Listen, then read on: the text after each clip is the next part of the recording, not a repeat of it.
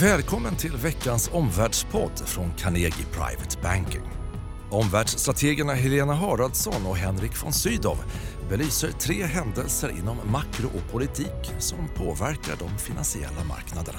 Klockan är tio minuter över elva. Det är torsdagen den nionde skriver vi nu i osköna maj, som någon uttryckte det. Det här efter att börserna har fallit och VIX-index, osäkerhetsindex, har stigit. Eh, vi kanske sett starten på en mer volatil, volatil period på marknaden där handelsavtalsosäkerheten har kommit tillbaka. Vi ska naturligtvis granska detta, marknadskonsekvenser, utsikterna framåt och dessutom tittar vi kort också då på valet till Europaparlamentet två veckor bort. Vad är möjliga effekter som investerare ska känna till? Välkommen till Omvärldspodden. Fortsatta börsfall under morgonen, både i Asien och också Stockholmsbörsen. Eh, marknaden oroar sig för fortsatt eller till och med upptrappad handelskonflikt. Rubriker styr marknaden. Vi lär få fler rubriker av konflikten. Samtidigt också eh, industridata från Sverige och Tyskland, eh, vår del av världen, som är lite dystrare.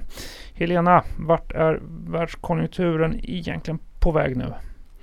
Ja, jag är fortsatt lite försiktig. Tillbaks till industribarometrarna som mina favoritindikatorer. Då ser vi att i USA så föll industribarometern, det som heter ISM-index, brett. Alla underindex faktiskt föll från ungefär 55 till 53, det är ganska stort. Och i Sverige, ja där närmades ju vårt PMI-index då 50. Mm. Det är den här kritiska expansionsnivån och en avmattning i order trots en väldigt svag krona. Mm. Samtidigt så fick vi förra veckan uppgifter på tillväxt i USA, inte minst inom en väldigt stark eh, jobbmarknad. Arbetsmarknaden går ju fortsatt starkt. Det är ju en viktig faktor. Hur tolkar du det? Det är helt korrekt. Arbetsmarknaden är urstark. Eh, men jag tycker att man ska betänka att industrin är en tydlig nedtrend. Det är inte bara mm. svag utan det är tydlig nedtrend. Jag tycker man kan göra några noteringar då. Det ena är att USAs industrimarknad är den lägsta sedan 2016. Mm. Men ser vi på de här lite mer temperaturmätarna, alltså exportnationer som Sverige och Tyskland då är industribarometern de lägsta sedan 2013. Det. det. där gnager i oron lite då. En annan notering är att de här lite vårtecknen vi såg i Kina, att stimulanserna biter tidigare. Mm. De har ytterligare stimulanser som biter under året. Det var en ljuspunkt. Och nu mattas ju den lite och dämpas då med den här risken för tullhot. Och kanske en tredje notering då att bolagens utsikter är ju faktiskt inte så ljusa. Eh, vi hör från verkstadssektorn att aprils försäljning verkar ha varit ganska svag för industribolag. Eh, och i svensk verkstad där var ju de här första kvartalets vinster enormt boostade av den svaga kronar, kronan. Och det är lite intressant att Carnegie Analys faktiskt säger att eh, man förväntar sig en negativ vinst och försäljningstillväxt under årets kommande kvartal. Bara svagt positivt om man inkluderar kroneffekter då. Så det här är ju en tydlig inbromsning från Q1 med ganska mager vinstutveckling. Mm. Eh, det är ju ödesdagar i Washington som börjar idag och imorgon då med handelssamtalen. Det här har ju verkligen varit fokus i veckan eh, ja. för marknaden förstås. Eh, vad tror du på den information som har skett och den, de rörelser som har skett? Hur, hur påverkar det här eh, konjunkturer och börserna framåt? Uh, jag tror man, både jag och investerarna blir lite så här modstulna. Vi fick ju lite mer blandade tecken då. Tecken på stabilisering då, framförallt med Kina, konsumtion och industri och så nu hotas det här. Och det är väl självklart att handelsoro påverkar. Vi såg ju Kinas både ekonomi och börs förra året när det var handelskrig. Mm. Vi har sett i USA hur tillväxten lyfts lite konstgjort då, att man bygger upp lagen inför sådana här tullhot medan det underliggande är svagare då. Men man kan säga att det är tydligt att världshandeln faller. Det är både nivå och tillväxttakt och det här ser vi oftast bara vid recessioner. Så det är ett orosmoln. Och sen är det klart att bolagens leveranskedjor och investeringsvilja försvagas om miljön blir osäker. Mm. Och det är inte vad vi behöver se. Vi vill ha en förlängd konjunkturuppgång med god investeringsvilja. Om du skulle titta närmare på, på de börsfallen vi har sett, vilka sektorer är det som då har stått emot bäst i den här situationen? Ja, det är som vanligt då. Det är ja. de där lite tryggare, stabila, alltså de som inte är så konjunkturberoende. Och tittar vi i USA och Sverige så är det tydligt att det är hälsovård, men mm. också de här dagliga konsumtionsvarorna som man alltid behöver som har klarat sig bäst. Men också bankaktier har klarat sig hyggligt. Mm. Om du skulle ha en kort slutsats mm. om just detta? Alltså handelskonflikt skapar både vinst och konjunkturoro. Tyvärr då i en värld där makrosignalerna är åt det svagare hållet. Så vi rekommenderar försiktighet och håller tummarna att det här bara är taktik från Trumps sida. Och just det här är jag lite nyfiken att diskutera med dig Henrik då, handel. Sanningens minut närmar sig för Trump. Det är ödesdagar i Washington idag. Mm. Möjligen nya tullar imorgon fredag. Eh, vad har du att säga om förhandlingsdynamiken och utsikterna framåt? Mm, nu prövas det här då om Trump verkligen är en bra dealmaker eller om han är bättre som faktiskt då dealbreaker. Eh, det finns en del som pekar mot det senare faktiskt. Han har ju ofta, han har ju backat ut från TPP, asiatiska mm. handelsavtalet, han har backat ut från Parisavtalet, han har backat ut från Iranavtalet. Så att, eh, eh, ja, och vad avser just tullhot som ju ligger skarpt på bordet, sanningens minut närmar sig verkligen här, så har han ju tidigare då gjort allvar av, av de tullhot som vi har sett Eh, med tvåstegsraketen förra året med, med tullhöjningar vid två tillfällen. Eh, det verkar dessutom nu som att Kina-hökarna i Vita huset runt omkring eh, Trump, eh, det är framförallt då eh, Leitziger som är chefsförhandlare, han har övertaget gentemot de som är mer marknadskänsliga som finansminister Mnuchin. Eh, det är också en väldigt svår förhandlingssituation för kineserna. Eh, just med tanke på synligheten, offentligheten kring det här så blir det svårare att nu komma med så att säga, åtaganden eller närma sig amerikanska positioner utan att det uppfattas som att den kinesiska presidenten Xi faktiskt böjer sig för Trumps hot och, och mm. det kan han inte göra. Så att jag, jag tror också det här förde in en ökad misstro på den kinesiska sidan, dels mot Trump, Trumps ord, men också, det kanske är allvarligt på sikt, beständigheten i mm. eh, eh ett handelsavtal. Så att ja, eh, det, det, det, det det, det, finns sannolikhet, det är större sannolikhet för, för, faktiskt nya tullar än ett avtal på fredag skulle jag säga. Mm. Mest sannolikt är möjligt att man ändå då inte gör någonting nu utan skjuter förhandlingar framåt i maj och mot juni och mot G20-mötet i Japan den 27-28 mm. juni. Kanske till och med längre än så in i, i andra halvåret. Så kanske Marknaden skjutet, får leva med handelsosäkerheten. Ja, det skjutet på framtiden. Men vad vet vi om innehållet? Vilka är de stora stötestenarna Henrik? Ja, det är svårt att säga. Vi vet på indikationer då från källor nära processen som det heter. Det är ju så att säga att det som är lättast att faktiskt komma överens om då, det är att Kina ska åta sig att importera mer från USA. Importera mer framförallt jordbruksprodukter och energi från USA. Det är också ett så att säga, motåtgärd då, ett ganska relativt lätt beslut att faktiskt dra tillbaka de tullar som har införts under förra året eh, som Trump har gjort. Då. Eh, det verkar också som det går att göra framsteg vad gäller mer reciprocitet, så att säga, liksom mer lika spelregler för internationella regler vad gäller utländska investeringar, också då amerikanska förstås, i Kina. Däremot allt som kräver så att säga, kinesisk lagstiftning eh, är mycket svårare. Det går nästan redlines för kineserna. Det mm. handlar då om att, så att säga, ändra det kinesiska statsstödet, eh, subventionerna, ändra kinesisk industripolitik med det där.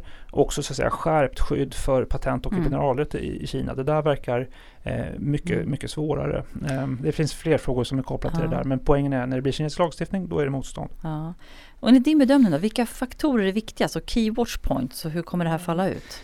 Jag, jag, tycker det är viktigt att hålla koll på Trumps reaktioner på marknadsrörelserna. Just Dow Jones Index är ju hans så att säga, favoritindikator som man ofta följer. Hur reagerar han på så att säga, turbulens? Särskilt om man inför tullar och det kan bli större marknadsreaktioner.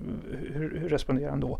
Kolla också så att säga, så här, hans respons på amerikanska inrikespolitiska intressen, inte minst jordbrukslobbyn som är en viktig väljargrupp för, för Trump. Så de där två, två tycker jag är viktiga mm. indikationer. Mm. Och också nu då språket, tonen, vilket mm. utrymme eh, skapas för att faktiskt ja. backa ner från tullhoten. Och den korta slutsatsen kring handel och Henrik? Ja, svårt för handlingsläget. Det är risk för tullar på fredag. Investerare kommer få leva med en handelsavtalsosäkerhet ja, fram till G20-mötet mm. i slutet på juni. Och då tredje frågan Henrik, till en annan händelse i vår egen världsdel. Det är Europadag idag och det är två veckor till mm. valet till Europaparlamentet. Gärna en kommentar.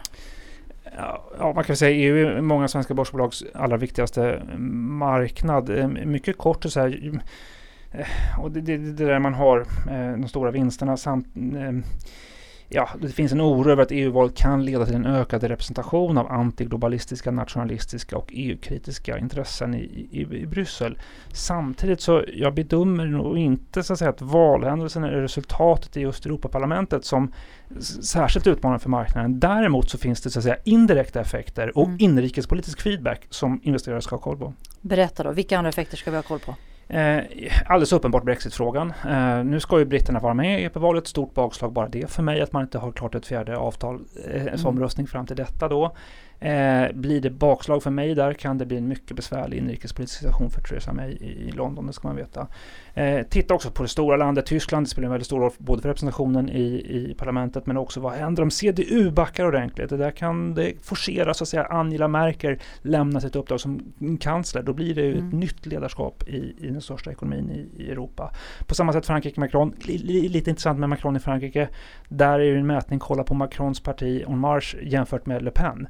Mm. Momentum om Le Pen faktiskt skulle, momentum mot Macron mm. om Le Pen faktiskt skulle bli, mm. bli större i detta. Ja. På temat ledarskap i Europa så är det väldigt viktigt då nu när britterna ska lämna och det spekuleras om Merkel som, som ju stått för stabilitet. Mm. Men samtidigt så blir det också en helt ny bemanning på många andra stora EU-institutioner. Vilka uppdrag är det som står på spel i år, ja, Henrik? Mm, precis, handlar om makten över institutionerna här. Det är också en sidoeffekt av det här. De, de, de, fem stora uppdragen som nu kommer vara up for grabs efter valet till mm. Europaparlamentet. Och det är ordförandeskapet för kommissionen. Det är ordförande, eh, Junckers efterträdare och klartext. Ja. Det är chefen för Europeiska rådet. Det är Tusks efterträdare, alltså chefen för stats och regeringschefer. Mm. Eh, det är inte minst en ny chef på ECB, mm. dessutom en hög representant för utrikesfrågor och också en talman i parlamentet. Mm. Så det kommer bli ett delikat maktspel, så att säga, politiskt kohandelskalas var det någon som kallade det. Mm. Eller lite snyggare, man lägger pussel eh, om detta. Ja, kohandelskalas. Vem kan ta över på ECB då Henrik? Ja, det är faktiskt två finländare som nämns. Erkki Likkanen, han har tidigare varit kommissionär. Han beskrivs ofta som den mest sannolika, kanske inte den skickligaste samtidigt. Olle Rehn också då som nu är på, på finska centralbanken, en annan finländare. Skulle det bli någon av de två så är det svårt för andra nordbor att överhuvudtaget mm. komma ifrån någon av de här frågorna. Eh, marknadens favorit skulle jag säga är fransmannen Benoit Coiré, eh, mm. som är ett namn som nämns också. Och kommissionen då, vem kan ta över efter Juncker? Eh, Michael Barnier är den som har lågoddsaren. Han har ju Brexit-förhandlat då mm. eh, och därmed rest till alla huvudstäder och kunnat ja. för, förankra sig hos medlemsländerna. S sen får vi se. Eh, Manfred Weber är ju då EPP, det stora högerkonservativa, eller hög, mittenhögerpartiet, konstellationens eh, frontrunner, medan eh, Socialdemokraterna eh, i Europaparlamentet har Frans Timmerman, en holländare. Eh, det är ett litet land då, eh, socialdemokrat som, som möjlig kandidat. Och vad är din korta slutsats kring det som sker i Europa just nu? Den korta slutsatsen är spana håll koll på indirekta effekter av Europaparlamentsvalet i London, Berlin och Bryssel. Det spelar större roll för investeringsmiljön framåt än den direkta mandatfördelningen i EP-valet. Mm. Dagens tre slutsatser då. Nummer ett, handelskonflikt skapar både vinst och konjunkturoro samtidigt som makrosignalerna är åt det svaga hållet. Vi rekommenderar fortsatt försiktighet. Två, Handel, svårt förhandlingsläge i Washington. Investerare får leva med avtalsosäkerhet fram till halvårsskiftet. 3. Håll koll på EU-valets indirekta effekter i London, Berlin och Bryssel. Det spelar större roll för investeringsmiljön framåt än själva mandatfördelningen i Europaparlamentet. Tack för att du lyssnade idag. Recensera oss gärna på iTunes. Dela podden digitalt i, in, till dina nätverk.